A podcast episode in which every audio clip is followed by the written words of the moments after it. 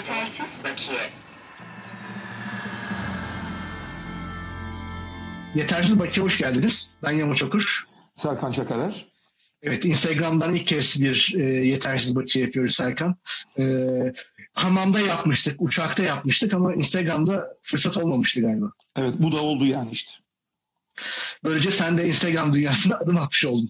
Evet ya maçlar tatil edilmeseydi bir tane stadyumda yapalım diye şeyimiz vardı seninle bizim ama şimdi UEFA'nın dünkü kararından sonra yamaç bilmiyorum o maçtan stat'tan yapma şeyimiz nasıl olacak bilemiyorum yani. O bilinemeyen bir geleceğe ertelenmiş gözüküyor şu anda. Şimdi e, Kadıköy sineması anons ederken yayını anladığım kadarıyla sektör, endüstriden farklı kişilerle canlı yayınlar e, yapılıyor. E, Zeynep canlı yayın yapmış, onu gördüm. E, biz de e, tanıtırken işte festivaller, dağıtım süreçleri falan denmiş ama ben iki konuyla başlamak istiyorum. Belki o konuyla ilgili sorular gelirse dediğim gibi yanıtlarız. Bir tanesi destekleme kurulu sonuçları açıklandı biliyorsun. Ee, bu destekleme kurulunun sonuçlarında biraz yetersiz bakiye konuştuk ama ondan sonra hani devam etmedik konu böyle daha genel bir değerlendirme yapmıştık. Belki burada biraz daha devam edebiliriz ona. Sorular da gelebilir. İkinci kısımda e, bu sonuçta bir sinemanın e, Instagram hesabı. Kadıköy sineması da çok önemli bir sinema, tarihi bir sinema. Malum yakın zamanda Rex sineması e, kapandı. Belki biraz bu kapanan sinemaları konuşabiliriz. Bu emek sinemasından da başlayan süreçte. İstiyorsan bir destekleme kuruluyla başlayalım. Destekleme kurulu sonuçları e, ilan edildi 3-4 gün e, önce. Uzun metrajdan bahsediyorum. Ve e, bu yeni dönemin, yeni yasanın ve yeni yönetmen yönetmeliklerle olan dönemin ilk destekleme koluydu. E, böyle bir kabaca bir değerlendirmiştik ama e, ne düşünüyorsun? İstiyorsan senden biraz görüş alalım. Değişen bir şey var mı yeni sistemde? Yani ben değişen sistemi genel olarak şöyle görüyorum. Daha önce kendi aramızda konuştuğumuz yetersiz bakiyede de konuştuğumuz bir mesele bu. Ee, ben artık destekleme sisteminin iyice yapımcılardan arındırılmış bir sisteme doğru döndüğünü görüyorum. Ee, bunu hem başvuru koşullarında görüyorum hem daha sonra yapımcıların aleyhine getirilmiş olan bir takım teminatından tut da dosya kapatmaya yönelik bütün her şeyiyle beraber böyle görüyorum. Dolayısıyla böyle bir e, destekleme sistemi tercih edebilir ülkeler ya da o ülkedeki e, sinema kurumları. Fakat böyle bir sektöre o zaman finansman girişi azalacaktır. Daha az parayla o sektör dönecektir. Dolayısıyla... Evet, hemen bir soru gelmiş Serkan lafını unutma. Bakanlık desteği %30 azaldı. Bunun sebebi sizce nedir sorusu gelmiş. Bozkurt, Sertaç Bozkurt'tan. Ee, aslında iki toplantı var bu sene. Dolayısıyla e, bir azalma söz konusu olacağını zannetmiyoruz geçtiğimiz seneye göre. Ama bu ilk toplantı olduğu için ikinci toplantı normalde deadline'ı Mayıs olacaktı. Toplantı yaz aylarında olacaktı ama tabii şimdi bütün bu korona pandemisinden dolayı olabilir mi onu e, bilmiyoruz. E, fakat hani bu soruyla ilgili şunu söyleyebiliriz. E, destek kategorileri çeşitlendi. Serkan bildiğin üzere işte minority co-production başladı, işte yabancı filmler için destek başladı vesaire. Aslında paranın da tabii en az 4-5 katına çıkmış olması gerekirdi. Fakat para geçtiğimiz seneyle aynı. evet. Yani Türkiye'nin tabii temel sıkıntısı aslında tabii ekonomi, paranın artamaması. İşte malum bunu korona pandemisinde yaşıyoruz. 2-3 gün önce Ayben numaraları verildi. Evet. E, herkes herkes maaşlarını buraya yatırsın diye. Yani normalde bütün batılı ülkelerde, farklı ülkelerde e, devlet bireylere e, yardımlar yaparken bizde tam tersi bir durum var. Pardon sözünü kestim sen devam et istersen. Yok yok hayır e, rica ederim. Şimdi e, dolayısıyla ben hani böyle temel bir problem olduğunu düşünüyorum. E, yani Avrupa'da benim bildiğim hiçbir destekleme sisteminde, dünyada destekleme sistemi olmayan ülkeler var çok sayıda ülkede var. Desteği, herhangi bir devlet desteği yok. Fakat devlet desteği olan hiçbir ülkede bizimkisi gibi bir bir model yok. Yani yapımcıların evini ipotek ettirip teminata verdiği, 8-10 tane kefilden Ankaralara minibüs tutularak gidildiği, bir filmi yapıp teslim etmenin 3-4 yıl alıp 3-4 yılda yapımcıların başka bir film yapamadıkları, e, dolayısıyla da böyle bir kısır döngünün içinde dönüp dolanıp e, yani her yaptıkları filmde tekrar dağın en başından yukarıya çıkmaya başladıkları başka bir sistem yok. Ben dolayısıyla bu sistem bu şekilde kaldığı sürece e, kurulun e, yani kurul politik olarak şu an sıkışık bir dönemdir. Politik hassasiyetler vardır da orada belli projeler desteklenmez. Belli filmciler kara listeye girer çıkar falan. Bunlar olabilir. Fakat böyle bir sistemde dünyanın en liberal hükümeti de iktidarda olsa en böyle sansürden uzak kararlara da imza atılsa bu yapısal problemin burada durduğu sürece ben sinemanın ileriye gitme ihtimalinin olmadığını düşünüyorum. Bizim yaptığımız tarzda bir sinemanın. Dolayısıyla hani ben bütün bu alınmış olan kararlardan vesairelerin dışında böyle bir genel bir çerçevede bir problem görüyorum. Doğru çok haklısın. Çok haklısın. Ee, bu arada e, bir soru gelmiş. Hemen aralarda sorular olduğu zaman bakanlık desteği. Ayrıca verilen desteklerden pay istendiği başka ülke yok yorumu yapmış. Ee, Çağlar, Çağla Hanım. Ee, desteklerden pay istendiği başka ülke yok. Dan kasıt ne acaba? tam olarak. E, eskiden destekler geri ödemeydi. Şimdi yeni sistemde tamamen hibeye döndü. E, yani aslında bu desteklerin de aslında e, biliyorsun Serkan bütçesi rüsum vergisinden. Yani her sinema biletinden %11 rüsum vergisi, eğlence vergisi kesiliyor. Bir bir fonda toplanıyor. Bunun evet. %75'i sinema genel müdürlüğüne aktarılıyor ve bu dağıtılıyor. Yıllardır söylüyoruz aslında bu paranın tamamı ne yazık ki dağıtılmıyor desteklerde. Etkinlik destekleri denen daha geniş bir kategori var. Bu desteklere de dağıtılıyor. Yani aslında tamamen bu yapım desteklerinin dağıtılan bir para yok. Aslında hepsi dağıtılsa e, hani daha büyük bir para dağıtılması lazım e, orada. E, yılları sayede orada biriken bir para var ama ne yazık ki pek e, dağıtılmayacak e, gibi duruyor. Sen umutsuzsun o zaman yani bu yeni sistemde. Yani bir umudun yok. Sen, sen projen olsa başvurur musun şu anda sistemde? Ya projem olsa başvurur muyum? E, başvuru ya ben başvurmada problem görmüyorum. Başvurduğum zaman çıkan parayı alabilir miyim diye bir soru olması lazım. çünkü yani, Serkan? Çünkü bir milyon lira para çıkması durumunda yani o kadar kefili vesaireyi nereden bulacaksınız? Benim çevremdeki çoğu insan şu anda ekonomik krizin etkisiyle işsiz ya da işte ne bileyim yaş grubumuz dolayısıyla emekli. Emekliler zaten kefil kabul edilmiyor vesaire yapılmıyor. Dolayısıyla e, yani aynı anda biz bir tane film yapıyor olsak bile milyonlarca lira paranın altına imza atacak birinin olmak kolay bir şey değil. Bir de ya ben prensip olarak 20 senedir bu sektördeki bir insanım. Yani ben artık film yapmak uğruna kalkıp eşe dosta ya bana kefil olur musun? Film yapmak istiyorum ben demeyi biraz absürt buluyorum. Ee, dolayısıyla evet ben iyimser değilim o anlamda. Ee, başvurmayayım dersen başvurmaktan daha temel problem e, yani parayı alabilir misin? Yani e, bence o büyük bir problem. Çünkü teminatlarımızı biz şimdiye kadar bir takım banka kredileri için falan kullanıyorduk. Yani bu e, devlet fonlarından gelen paralarla falan filan film yapılıyor zannediyor belki bazı dinleyicilerimiz. E, fakat bir nakit akışı ayarlamanız gerekiyor. Yani o paraların hepsi birden sizin kasanıza girmiyor. E, biz normalde o teminatlarımızı ne bileyim işte ipotekleri, kefilleri falan bir takım banka kredileri için kullanıp zaten e, o şekilde istifade ediyorduk. Şimdi banka kredisi kullanarak nakit akışımıza e, için yararlanacağımız kefilleri işte e, Kültür Bakanlığı için kullanmaya başladık. Hatta ben son TRT'nin sözleşmelerini gördüm. TRT de teminatlar istiyor. Dolayısıyla biz kamu fonlarını kullanabilmek için evi barkı satıp ipotek ettiren böyle bir sinema endüstrisine sahip olmuş durumdayız şu anda var. Yani sonumuz hayır olsun diyorum.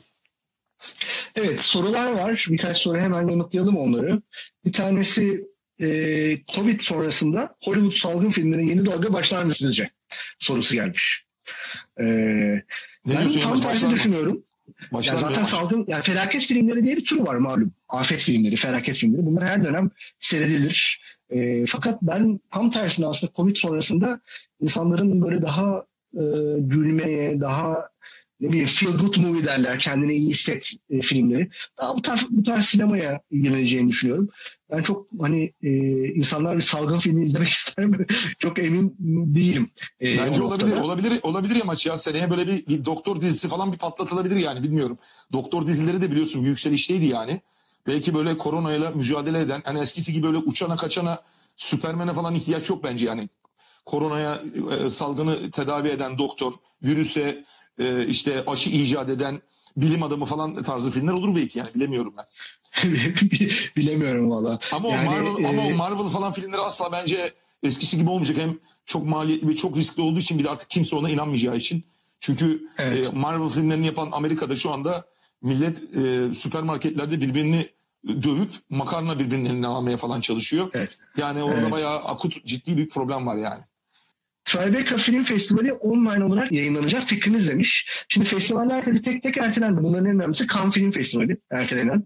Ee, işte Haziran ayı veya Temmuz başı diye düşünüyor ama biz çok yapılacağını düşünmüyoruz. Ee, ardından işte Venedik var. Yani Venedik'in de yapılma şansı biraz zor duruyor. Biraz 2020 yılı festivaller için kayıp bir yıl. Tabii şimdi bu online meselesi biraz şey bir mesele.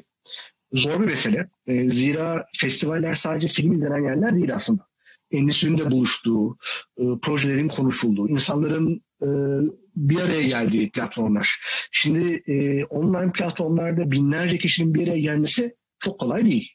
İşte Zoom'da bile 9-10 kişi bir araya geldiği zaman kakafoni çıkıyor yani ortaya.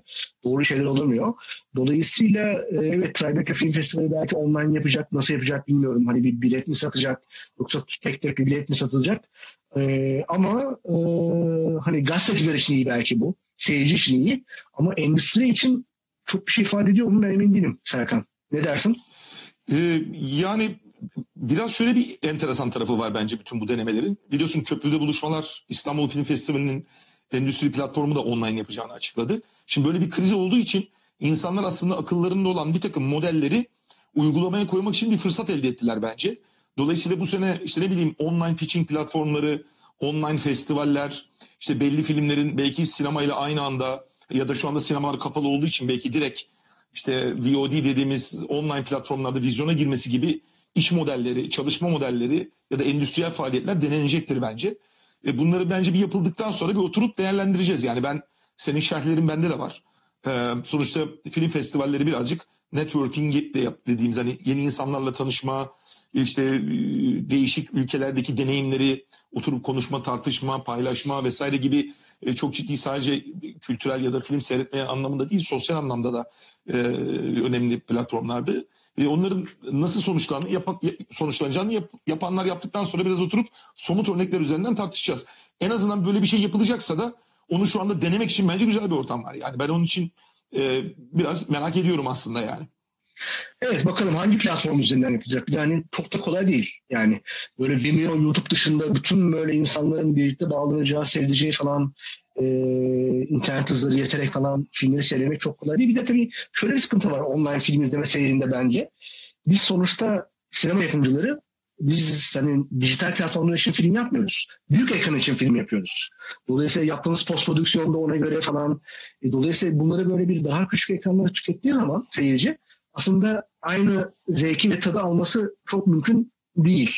Ben belki biraz hani bu konuda daha muhafazakar olabilirim ama belki o zaman hani post prodüksiyonlarımızda bu kadar şey yapmamıza gerek yok. Yani yani orada da bence öyle bir durum daha var. Bu yüzden ben mesela bir festivalin Tribeca'ya hani ne bileyim bir filmimin online e, e, bir premier yapmasını ister miydim? Sinema için yaptım emin değilim. Vallahi ee, belki de işte o şeyler sınırlar biraz genişleyecek yamaç yani e, ne bileyim belki o zaman büyük ekran olmayacağı için filminin post prodüksiyonunu ona göre yapacaksın. Sinema filminin belki tanımı değişecek, genişleyecek. Festivallerin de biliyorsun tanımında bir takım değişiklikler var son yıllarda. E, geçen sene ya da evvelki sene İstanbul Film Festivali bir Netflix dizisinin premier gösterimini yaptı şimdi yani. Mesela bu da normalde aslında bir film festivalinin standart bir film festivalinin tanımına uyan bir yapı değil. Şu an insanlar bence deniyorlar. Yani e, nasıl sınırları değiştirebiliriz? Çünkü izleyiciyle ilgili biliyorsun yani ciddi bir erozyon var şu anda. İzleyici kaybı var. Yeni kitleleri nasıl katabiliriz bu oyunun içine? E, festivalleri nasıl cazip hale getirebiliriz? E, belki mesela sinema filminin süresi de değişecek artık. Yani eskisi gibi böyle film dediğimiz e, 70 dakika, 80 dakika, 90 dakika değil de daha farklı e, formatlarda, daha farklı medyalarla çekilen ve farklı şekilde gösterilen belki şeylerle biz karşılaşacağız. Ben hani dolayısıyla böyle e, o anlam o anlamda mesela şey değilim ben. E, değişik bir e, sinema, değişik bir film festivali vesaire neyse o tanım yani. Onların ben e, yeni dönemde biraz sınırlarının genişleme ihtimalinin olduğunu evet. düşünüyorum. Bu tabii kötü de olabilir, iyi de olabilir. Yani bence böyle bir takım şeyler açılardan bizi hani bir nostalji duygusuna bırakacaktır ama belli açılardan da belki yeni fırsatlar getirecektir. Yeni filmciler ortaya çıkacaktır belki. Her krizlerden böyle yeni filmle ilgili, sinema ile ilgili yeni şeyler çıkar yani. Serkan bir soru var e, Esra İnanmış'tan. Yapılamayan festivallerin ödülleri ne olacak? O filmler esme geçilecek. Festival 2021'de yapılırsa demiş. E, öncelikle şeyi sorayım. İstanbul Film Festivali erteleme kararı aldı. Hatta ee, benim de yapımcılar arasında olduğum bir film vardı. Ercan Kesal'ın ilk uzun metraj filmi Nasip Sarayız. O da o, o seçki içerisinde. Bize şöyle bir mail geldi. Hani işte filminiz vizyona girse de başka festivallerde gösterilse de yarışmadaki hakkınız saklıdır gibi bir mail atmış yarışma sahiplerine festival. E ama tabii şimdi daha geniş anlamda bakıldığı zaman ne bileyim Cannes, Venedik falan yani yapılamayan festival daha açıklanmadığı seçkisini ne bileyim e, değerlendirmeye devam mı edecek filmleri? Ee, hani böyle sorunlar var. Festivalleri düzenleyen biliyorsunuz fiyat diye bir yapı var. Muhtemelen bunlar fiyatta tartışılıyordur diye düşünüyorum değil mi? Evet, bir takım, bir takım kararlar alındı bu sene. Yani e, işte bir takım festivallerin tarihleri değişiyor senin de söylediğin gibi. Normalde bu tip FIAP'a akredite olan festivallerin böyle kafasına göre tarih değişikliği falan filan yapması normalde pek e, izin verilmeyen bir şey. Fakat bu sene o konuyla ilgili bir esneklik yapacağı söylendi. İşte bu filmlerin premier statüsüyle ilgili senin demin söylediğin konuda bir esnekliğe gidileceği söylendi. Film gösterim sayıları şudur budur böyle bir takım konularda o esneklikler var. Ama sana söylenen şey anlamadım ya o bir garip bir şey o. Filminiz vizyona girse de mirse de falan. Ne demek o ben onu anlamadım. Filmin vizyona girse de İstanbul Film Festivali'nde eligible mısın yani gösterilebilirsin anlamına mı geliyor? Anlamadım onu ben. Evet yani sonuçta yarışmayı sizi seçtik ama Evet. biz bu tarihlerde gösteremedik ama sizin diyelim ki başka bir planınız vardı.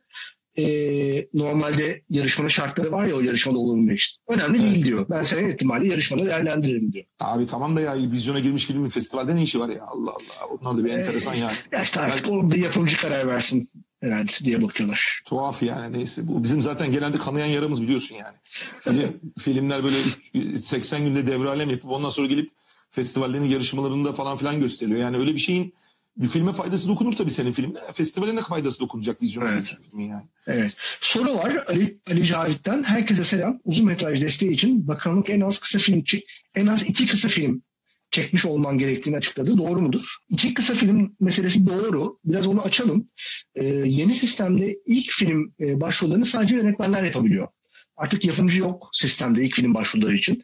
Dolayısıyla bu yeni sistemde epey bir ilk film başvurusu var. Başvuruyu yaparken de en az iki kısa film şartı var.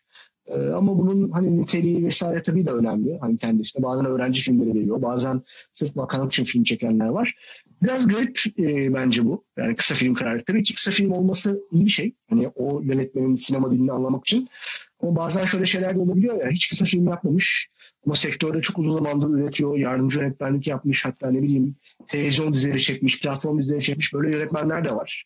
Ee, dolayısıyla hani bence e, hani bunu böyle bir zorunlu değil de tercihen falan denmesi daha doğru olurdu diye düşünüyorum. Ben de katılıyorum ona. Yani böyle şeyler başvuru için e, bir başvuru kriteri olamaz yani. Bu kurulun aldığı bir teamül olabilir. Siz başvuranların içerisinde kısa film olanların, e, iyi kısa film olanlara öncelik verirsiniz ve insanlar da bunun bir avantaj sağladığını gördükleri için o zaman gerçekten doğru düzgün kısa filmler çekerler. Şimdi bunu sadece bir şekli şart olarak koyduğunuz zaman millet gidecek iki tane kısa film çekecek 10 günde. Var mı filmin? Var. Yani bu sadece şekli bir şart diye ben itiraz ediyorum buna. Ee, halbuki böyle bir şekli şart almak yerine kurula başvuran projelerin içerisinden ya işte bak bu arkadaşın kısa filmi var ve bu fi- filmler iyi filmler, şöyle başarıları var. Ben seyrettim şöyle güzel filmler diye kurulun konuşup kurul kararıyla kurulun vereceği bir e, nihai şeyle bunun sonuçlanması gerekirdi. Bu haliyle maalesef sadece şekli bir şart olarak duruyor benim gözüme yani. Evet. Çağla Hanım, Çağla Çağlar son dönem destekleme kararında özellikle ilk film yapımda ticari ve bağımsız işler bir arada değerlendirilmiş gibi görünüyor. Siz ne düşünüyorsunuz demiş. Şimdi bu aslında genel bir sıkıntı. Şimdi bu fon aslında Kültür ve Turizm Bakanlığı yani daha doğrusu Kültür Bakanlığı'nın verdiği fon. Dolayısıyla ne tip filmler desteklenmeli? Hep aslında bu tartıştığımız e, sektörde de Ankara'ya da söylediğimiz bir şey. Biz Serkan'la şu düşüncedeyiz. Hatta bağımsız yapımcıların da ekseriyetle düşüncesi o. Sonuçta bu bir kültürel bir fon ve tabii ki sanatın desteklenmesi lazım. Genelde yurt dışında daha ana akım sinemada tabii desteklenebiliyor fonlar tarafından ama orada daha otomatik destek mekanizmaları var. Hatta Serkan biz bunu önermiştik SEYAP tarafında da.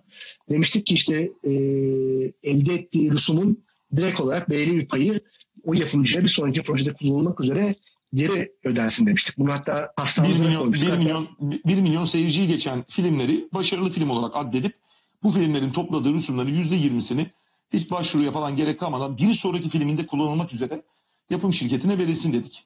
Aslında Hatta bir prensip ara- olarak iyi demişlerdi de sonra Evet. bir yerlerden dönmüştür o yamaç işte. Yani. Evet bir ara tasla almışlardı sonra çıkardılar. Dolayısıyla tabii buraya ticari filmler de geliyor. Fakat ben hani değerlendirdiğim zaman sonuçları çok ticari tarafta çok az film var. Uzun metraj tarafında animasyonlar gördük daha ziyade. Yani ticari diyebileceğimiz ve hani te- televizyon animasyonları aslında daha çok yani hani bakıldığında. Hatta biraz saçma bu son dönemde onların sayısı arttı. Biraz TRT'den e, kaynaklanıyor bu. Ee, ATV'nin de bir animasyonunu gördük. İlk film tarafında şöyle bir durum var. İlk film tarafı benim için biraz hayal kırıklığı. Çok az tanıdığım e, proje var. Yani ben yıllardır film yapıyorum. Epey bir uzun metraj yaptık ikimiz de. E, kısa filmleri takip etmeye çalışıyorum. Bildiğim yönetmen orada iki veya üç yönetmen gördüm ben. Dolayısıyla o biraz e, hani bilmiyorum hani neye göre değerlendirmiş ne olmuş muhtemelen tabii kurula sormak lazım e, e, durumda ama temel bir sıkıntı bu. Çağlar'ın katılıyorum yani ticari ve bağımsız filmler aynı anda değerlendiriliyor. Yani değerlendirilmemesi lazım yani bunların aynı anda. E, bir e, soru var Serkan. Tatile giren projelerde yönetmenden çaycısına tüm çalışanlar ne gibi sıkıntılar yaşıyor?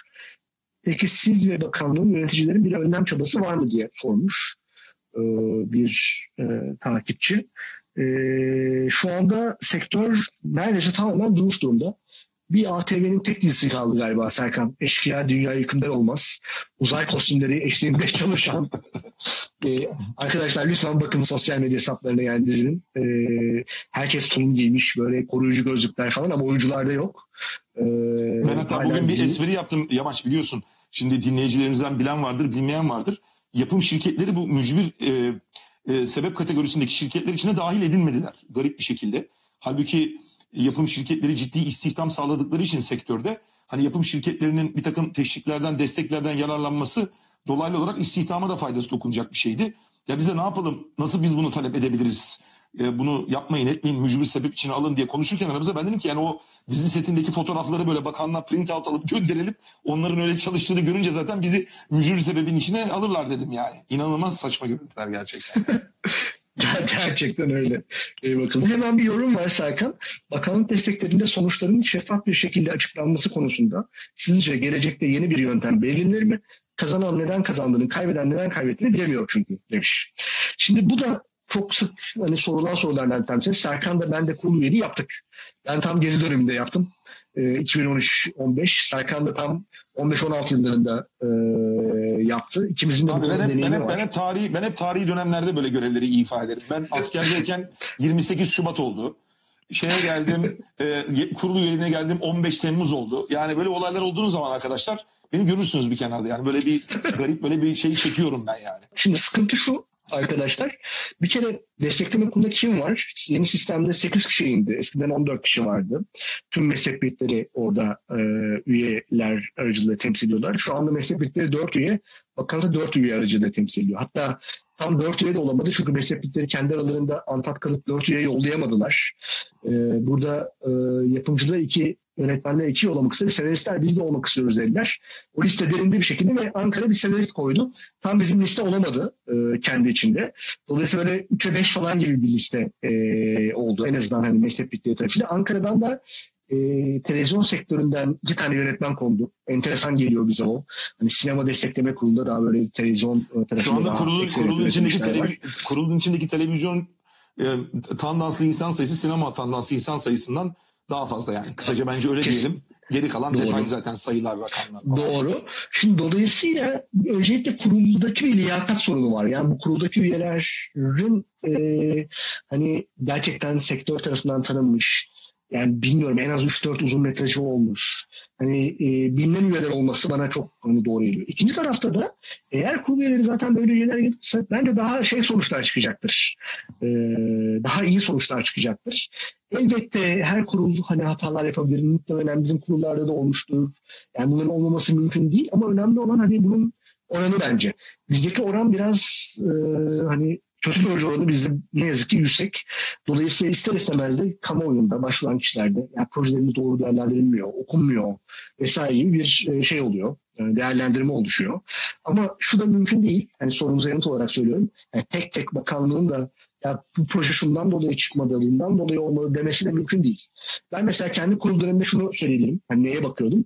Yani ne bileyim senaryo yazmayı bilmeyen insanların ben senaryolarını okumak istemiyorum. Sinopsis yazmayı bilmeyen insanların sinopsislerini okumak istemiyorum. Hayatında işte ne bileyim yapım şirketi hiç sinemayla bir şeyi yok. Sadece inşaat yapmış. Onun projesini değerlendirmek çok doğru gelmiyor.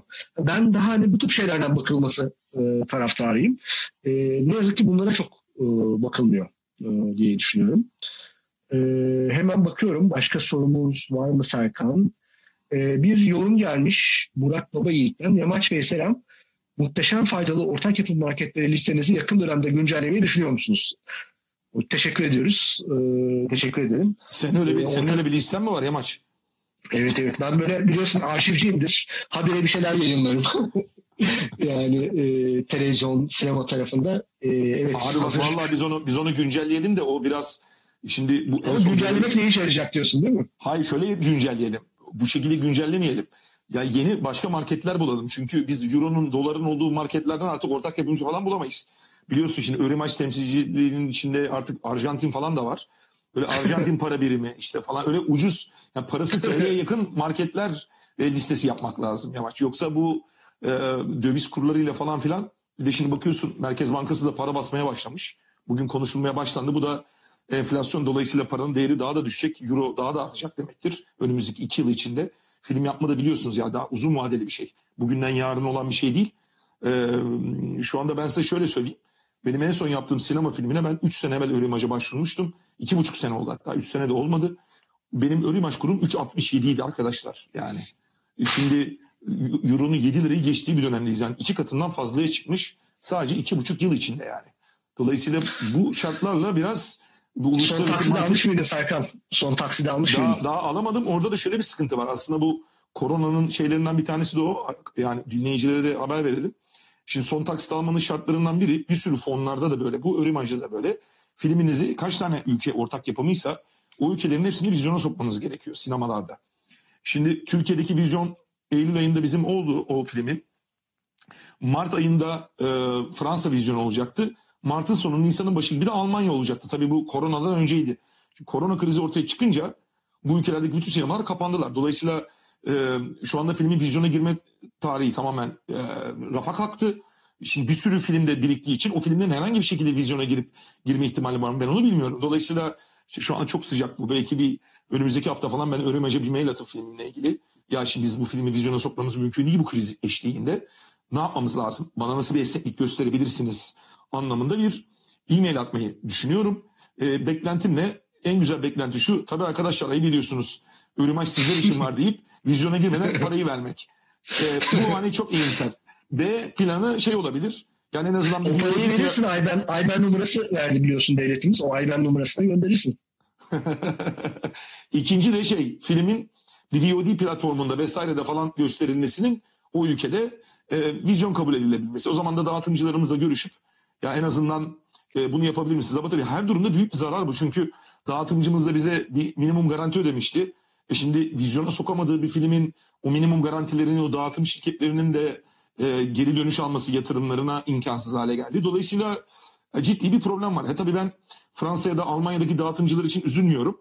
Kendim için üzülüyorum. Çünkü orada zaten dağıtım şirketleri muhtemelen kendi ülkelerindeki destek mekanizmalarından falan filan zararlarını, ziyanlarını bir şekilde bence telafi ederler Yamaç. Biz kendi derdimize yanalım Evet. burada diyorum yani. Evet. Bu arada şu soruyu yanıtlayamadık. Hani bu yönetmenden çaresine tüm çalışanlarla ilgili bir sıkıntılar yaşıyor. Orada eşkıya dü- dünya hükümleri olmazı konuştuk.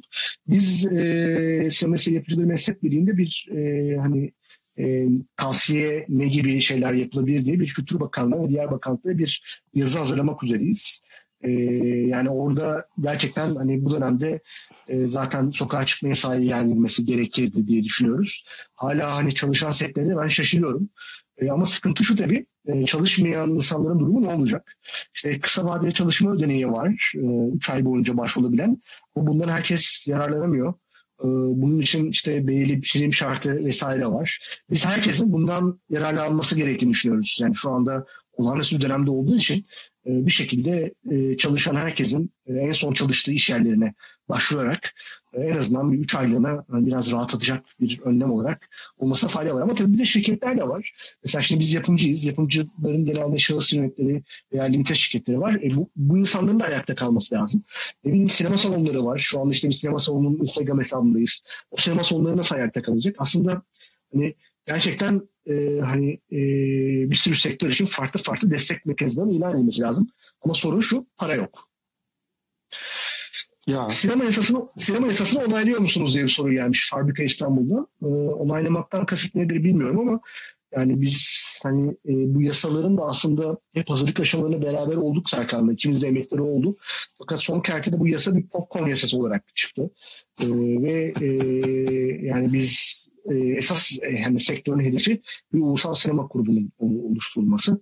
O hedefin daha epey uzağındayız ne zaman geliriz bilmiyoruz. Dolayısıyla bu haliyle evet bir takım olumlu gelişmeler var. Ama hani bir sürü geriye giden şey de var hani bakıldığında. Sinema için yaşlandığınızı düşünüyor musunuz diye bir soru gelmiş Serkan. Bununla ilgili Güzel bununla ilgili soru. bun- bununla ilgili bir biz bir, bir bölüm yapacağız zaten. Belki de bunu yani bir, bir hafta 10 gün içinde yaparız. Ee, bağımsız yapımcı yaşlandığını nasıl bağımsız yapımcı yaşlandığını nasıl anlar bölümü değil mi Serkan? Evet bayağı komik böyle notlarımız var onunla ilgili. Onu dinlerseniz şey yaparsınız. Oradan hissiyatınızı Evet. anlarsınız yani. Evet, ben ben yaşlandığımı düşünüyorum şahsen. Ee, Hasan Bey'den mesela puanlamanın paylaşılması bile en azından kısa bir yanıt yöntemi olabilir. Teşekkür ederim yanıt için e, demiş. Puanlamanın paylaşılması e, güzel e, tanıyan bir yaramız bizim. E, yani bırakın puanın paylaşılmasını kamuoyuyla üyeler birbirlerinin puanlarını görmüyorlar. Size öyle bir yanıt vereyim. Ya En son puanları gören- pu- ya puanların Üye, en son paylaşılmasını puanları gören kurul biziz Serkan. Yani benim benim yaptığım kurul. Senin Siz görmüyordunuz galiba. Evet. Ya bir de puanları görmenizin bir manası yok yani o puanlar e, yani ne, neyle ilgili verildiği, hangi kritere göre verildiği falan belli değil ki. Ya işte şimdi her akşam çıkıyor Sağlık Bakanı rakamlar açıklıyor yani şu kadar ka- e, kim inanıyor puanlar işte Kültür Bakanlığı'nın pu- puanları da açıklansa öyle olacak. Abi sen 40 almışsın, sen 30 almışsın, öbürü 70 almış. Bir manası yok puanları açıklamanın yani. Aslında puanlar açıklamanın bence önemi yok. Mühim olan kurul üyelerinin Yamacın dediği gibi oturup kendi e, projeyle ilgili görüşlerini ya biri yüksek puan biri düşük puan verdiyse kurulun içindeki insanların puanlarını görmesi ve birbirlerine niye yüksek puan ya da niye düşük puan verdikleriyle ilgili ikna etmeleri. Birinin gözünden kaçan bir unsur varsa öbürünün onu hatırlatması önemli yoksa yani kamuoyuna o puanların açıklamasının Evet. çok bir manası yok. Çünkü Bu çok arada, bu arada hiçbir, hiç, hiçbir ülkede de yapılmıyor bu. Yani Fransa'da da yapılmıyor. Ama orada sistem iyi işlediği için insanların kafasında şey sorusu olmuyor. Yani benim projem düzgün değerlendirilmiyor mu? İşte hangi Ankara'ya yakın proje destek alır? Yani insanların kafasında öyle bir şey yok. Zaten Evet. o tip kurullarda şey de yok. Bakanlıklar da yok. Mesela Fransa'da falan. Yani bakanlığın oy hakkı falan da olmuyor o tip yerlerde. Evet. Bizde tersi Benim en durum var. çok en çok karşı çıktığım nokta bizim Türk sisteminde bir de o.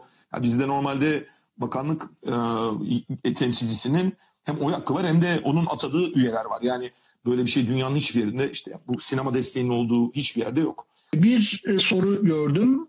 Bu şartlarda euro dolar bazlı ortak yapımcı bulmak daha makul olmaz mı?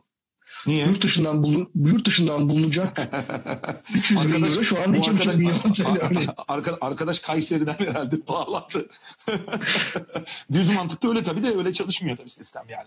Orada da şöyle bakın o, o paralar hep yanlış bir algıdır o. Oradan bulunan o 100 bin 200 bin euro paraları Almanya al sen çok iyi bir çocuk arkadaşa benziyorsun.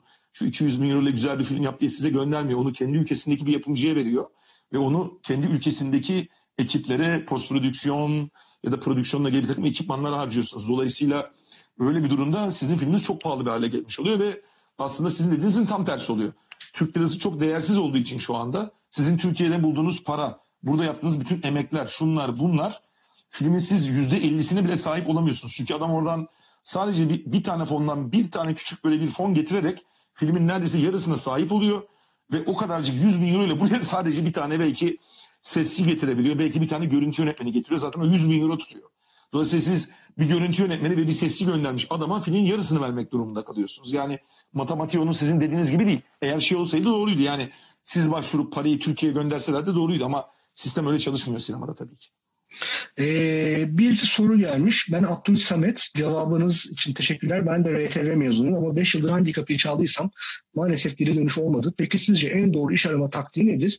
Ve siz nasıl personel alıyorsunuz demiş. Bizdeki temel sıkıntı çok fazla sinema okulu var ama film okulu yok bizde. Yani böyle biraz bizde e, sinema, film studies gibi bir yani biraz böyle bir e, daha e, sözel bir çalışma e, yapılıyor. Dolayısıyla genelde mezunlar çıkarken aslında bir filmi ya da bir dizide ne yapıldığını, hangi meslek dalların ne yaptığını bilmiyorlar. Dolayısıyla bütün bunları iyi anlamak için aslında bol bol üretmek e, gerekiyor. Belki staj yapmak gerekiyor ya da işte projelere girmek gerekiyor. Bunun için en iyi dönem aslında öğrencilik dönemleri. E, her hani projede e, olmak aslında ne yapmak istediğinizi daha iyi size getirebilir diye düşünüyorum. Ben de biraz buna bir cevap vereyim. Çünkü benim sektöre girişim biraz yamaçtan farklı. Ben bayağı gazete ilanıyla falan girdim sektöre yani. Ee, o zamanlar film yapım şirketleri işte bir takım elemanla alımıyla ilgili gazetelere ilan verebiliyorlardı ve siz CV gönderebiliyordunuz. Sonra mülakata ben bayağı böyle normal bir kurumsal şirkete nasıl giriliyorsa e, en başında böyle girdim. Şimdi böyle yapılar tabii kalmadı maalesef. Çünkü e, işte Yamac'ın demin de biraz bahsettiği gibi bu yapım şirketlerinin çok güçlü olmaması sebebiyle e, genelde artık sinema alanındaki kurumsal yapı dediğimiz yerler daha çok televizyona dizi üreten ama aynı zamanda film de üreten şirketler. Bu benim biraz eleştirim aslında. Bizim sektör çok dışarıdan bir e, rekabete açık bir sektör değil iş gücü olarak. Ben bunu eleştiriyorum.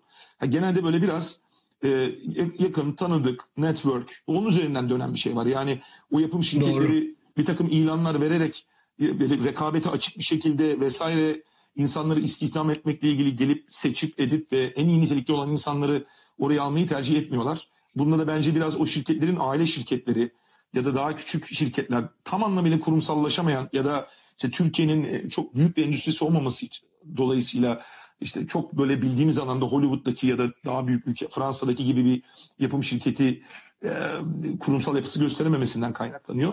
E şimdi burada tabii şöyle bir dezavantaj da var.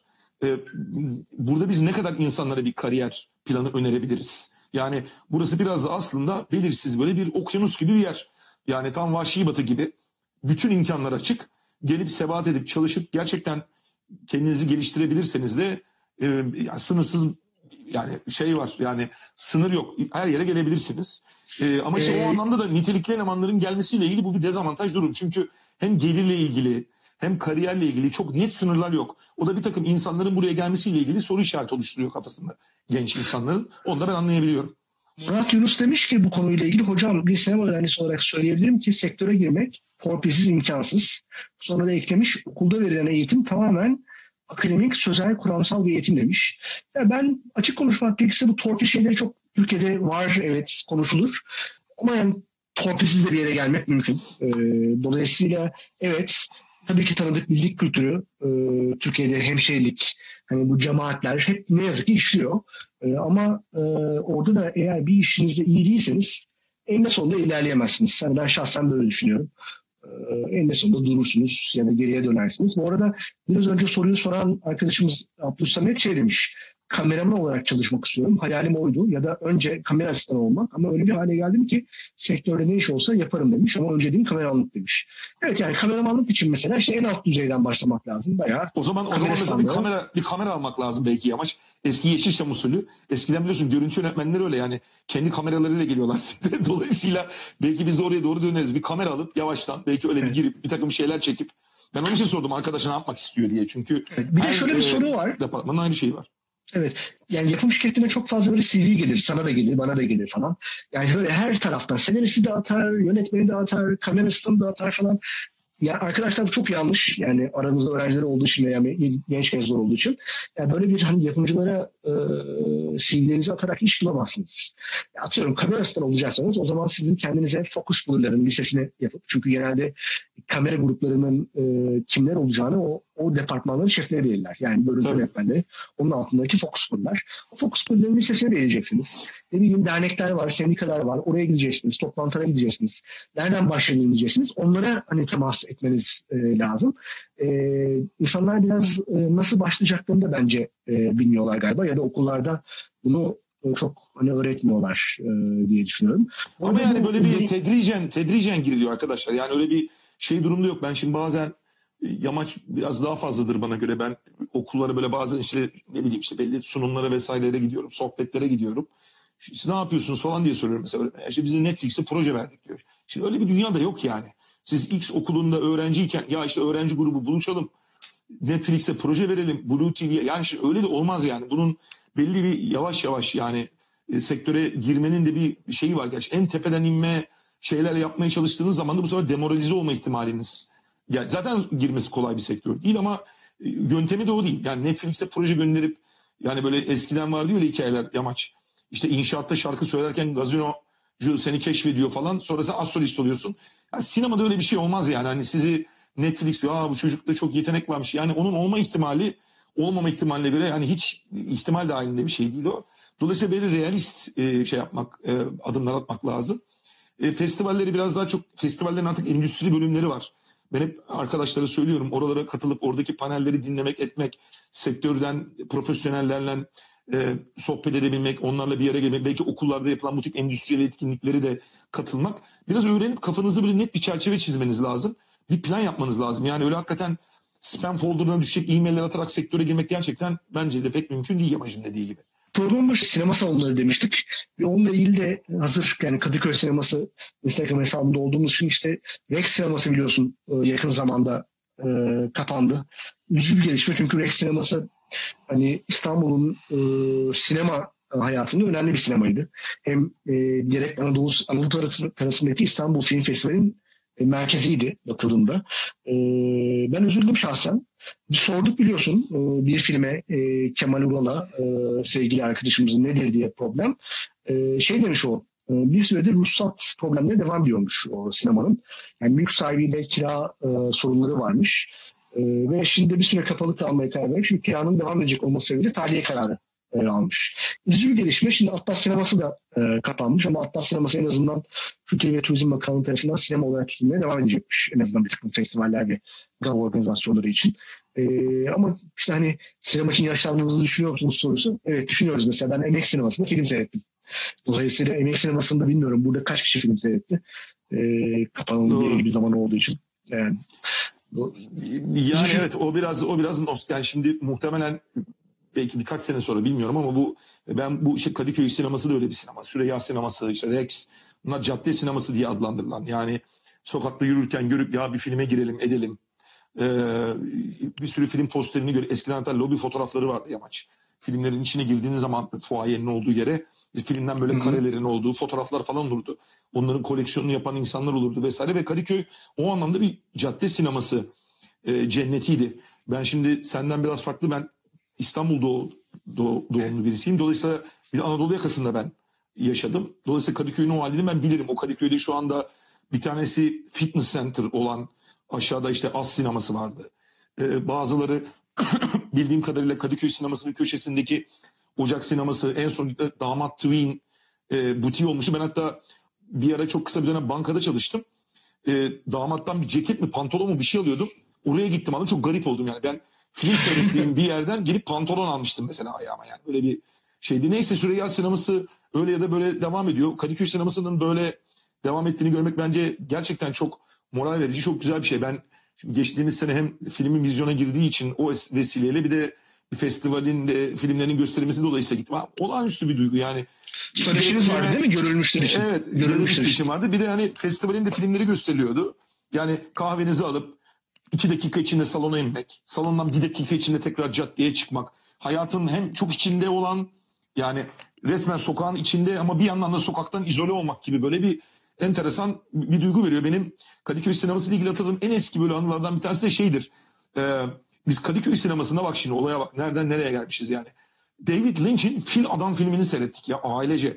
Ay. Eskiden Evet en eski hatırladığım film muhtemelen o olabilir. Ya ondan daha eski film Hangi yıl? seyretmişim. Hangi yıl Serkan? Bakmak lazım işte hangi yıl vizyona girdiğini hatırlamıyorum ama eskiden şeyler vardı. Yani pazar günleri sabah matinesi vardı. Böyle 9 falan olabilir o matine. 9.30 falan. İndirimliydi. Böyle biz ailece böyle benim böyle annem babam hani sinemayı falan seven eden tipler de öyle sinefil insanlar değil yani. Biz böyle bayağı yanlış hatırlamıyorsam zaman loja moja da vardı Kadıköy sinemasında. Şimdi var mı hatırlamıyorum dikkat etmedim. Biz böyle bir loja kiralayıp böyle ailece sabah sabah kalkıp gidip David Lynch filmi seyretmiştik. Yani onun David Lynch için özel olarak gidip seyretmemiştik. Ama hepimiz o filmden çıktıktan sonra ya ne filmmiş ya ne acayip filmmiş bilmem ne falan diye konuştuğumuzu böyle hatırlıyorum. Yani şimdi Türkiye'de başka bir ülke gibiymiş yani. Şimdi böyle hayal böyle şeyler sabah 9'da 10'da kalkacaksın. Bir vasıtaya bineceksin ya da taksiye bineceksin. Sinemaya geleceksin. Ailece film seyredeceksin falan. Ee, ve orada ben çok film seyrettim yani. Yazları işte iki film birden şey olurdu. E, yine Kadıköy sinemasının arka arkaya seanslar olurdu. Giderdik orada film seyrederdik gene falan. Çünkü pratikti film seyretmek. Yani caddede yürürken bir şey görüp aa bu enteresanmış gideyim seyredeyim diye böyle spontane film seyrettiğimiz çok olurdu bizim o zamanlar. Yani şimdi o dönem maalesef işte Rex'in de kapanmasıyla beraber e, az zaten hani kapanmıştı yıllar evvel. E, yukarıda Broadway sineması kapandı. Moda başka sinema adı altında bir şekilde faaliyet gösteriyor. Ama Kadıköy'de Kadıköy sineması dışında şu anda neredeyse benim bildiğim cadde sineması böyle ciddi anlamda gidip bu tip filmleri seçeceğiz bir yerde kalmadı. Dolayısıyla çok değerli bu. Bunu sinema e, sever arkadaşlarımızın hepsinin fırsat buldukça gitmeleri etmeleri ve yani cadde sinemasında film seyretme keyfi diye bir şey var hayatta. En azından Türkiye için şu anda bir lüks bu ama yani dünyanın yani Fransa'ya gittiğiniz zaman, İngiltere'ye gittiğiniz zaman falan oralarda çok yoğun cadde sineması var.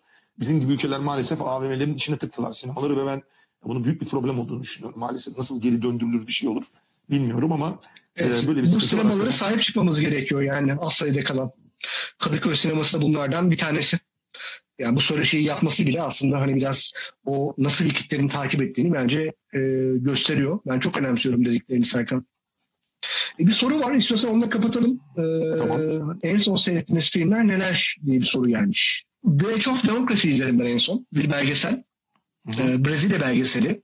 E, epey de sevdim. E, Netflix'te var. E, siz de hani, bakabilirsiniz. Enteresan çünkü işte Brezilya'nın son siyasi hayatı son e, 10 yılda hep böyle bir hani şey Türkiye'ye benziyor. E, farklı dönemleri olmuş ama e, epey bir ciddi bir eşikten geçiyor. E, onu böyle bir çok içten anlatmış bir kadın belgeselci. E, tavsiye ederim gerçekten ben çok sevdim. Yeni bir belgesel. E, geçtiğimiz yılın belgeseli. Şu anda da e, hani güncel anlattığı konular e, devam ediyor. Hatırlarsın Serkan Lula var onların meşhur Rum başkanı. İşte e, yani biraz Lula ve sonrasında Dilma'nın hikayesi gibi. Yani onların iktidara gelmesi sonra işte biliyorsun bir e, ciddi bir e, onların üzerinde bir e, şey sıkıntısı oldu. Rüşvet skandalları oldu. E, görevden alındı. Hatta Lula hapise girdi, çıktı falan. Ve şu anda da bir general e, eski bir asker e, yönetiyor. Sağcılar tarafından yönetilen bir ülke haline geldi e, Brezilya. Sen de seyrettin. Kendimizle konuştuk. Seyrettik. Peki sen benden sonra başka bir şey de seyrettin. Bilmiyorum. Film hakkında bir şey söylemek ister misin? Yani söylediklerine katılıyorum. Ben de en son Atlantik diye bir film var. Onu seyrettim Netflix'ten. Şimdi sinemalar kapalı olduğu için biz de işte böyle online platformlardan bir şeyler seviyoruz. Atlantik de çok iyi bir film. Yani e, Mati Diop'un e, kadın yönetmen. Senegal filmi. Sene, Senegal filmi Ee, miydi? Senegal filmi aslında Fransız filmi. Fransa, Belçika, Senegal ortak yapımı. Ee, filmin yönetmeni Mati Diop, Cannes Film Festivali tarihindeki siyah ilk kadın yönetmen diye lanse edildi. Ee, ilk kez yarışmaya e, bu şekilde bu, buna ait bir şey. Kendisi Fransa'da doğmuş büyümüş. Senegal'in eşrafından olduğunu zannettiğim öyle bir aile, köklü bir aile muhtemelen. Aynı zamanda oyunculuk da yapıyor. Onun ilk uzun metrajlı filmi. Ee, ben beğendim filmi. Gayet etkileyici buldum. Enteresan. Bu da Netflix'te var galiba değil mi? Bu da Netflix'te Zaten var şu an. evet galiba Netflix filmi değil ama hani film bittikten sonra muhtemelen Netflix filmin e, online haklarını muhtemelen satın almış. Çünkü film Netflix Presents diye geçiyor ama bu Netflix filmi değil. Çünkü Cannes'da yarışmalıydı geçen sene. E, ve orada bildiğim kadarıyla Grand Prix gibi bir şey aldı. Yani onu tavsiye ederim. Güzel bir film. Ben de en son onu seyrettim. E, yani ben şeye alışkınım. Ya ben evden hani böyle sinema salonu dışında film seyretmeye de alışkınım. Ben çünkü video kulüp furyasının olduğu bu dönemde tam benim ortaokul ve lise çağım geçtiği için yani ben böyle her sabah evde videodan bir tane film seyredip film bittikten sonra kahvaltısını edip okula giden çok erken kalkan birisiyim ben çocukluğumdan beri. E, dolayısıyla hani böyle evde film seyretme aktivitesi bana süper yabancı değil. E, dolayısıyla biraz nostalji duygusu oluyor bende. Şimdi tekrar evde oturup film seyretmelere tekrar devam ediyoruz. Çok dizi seyretmiyorum ben yani dizi hemen hemen hiç seyretmiyorum diyebilirim. Senin dediğin belgeseli ben de seyrettim. İşte American Factory'yi seyrettim gene. O Netflix belgeseli direkt. O da çok orijinal bir belgesel. Ya biraz o tip belgeselleri de seyretmelerini arkadaşlara tavsiye ederiz. Çünkü aslında American Factory bayağı bir e, Çinli bir e, şirketin bir Amerikan şirketini Amerika'daki satın alması ve Çinlilerle Amerikalılar aslında Batılılar arasındaki zihniyet çalışma e, toplumsal farklılıkları anlatan bir şey. Bugünlere de çok ışık tutuyor bu Çin işte koronavirüs vesaire Çin'in virüsle yaptığı mücadele niye öyle de Avrupa'nınki böyle. Bence onunla ilgili ben bunu virüs salgınından önce izlemiştim. Şimdi dolayısıyla iyi bir rezonans yaptı bende. Onu da ben çok tavsiye ederim. O da iyi bir belgesel. Çok iyi zaten Oscar aldı. O zaman istersen kapatalım. Kadıköy sinemasına uzun ömür dileyelim. Ee, inşallah Teşekkür, teşekkür e, edelim.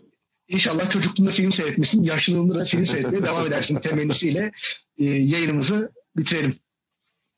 İyi haftalar. Bizi dinlediğiniz için teşekkürler, iyi haftalar. Yetersiz bakiye.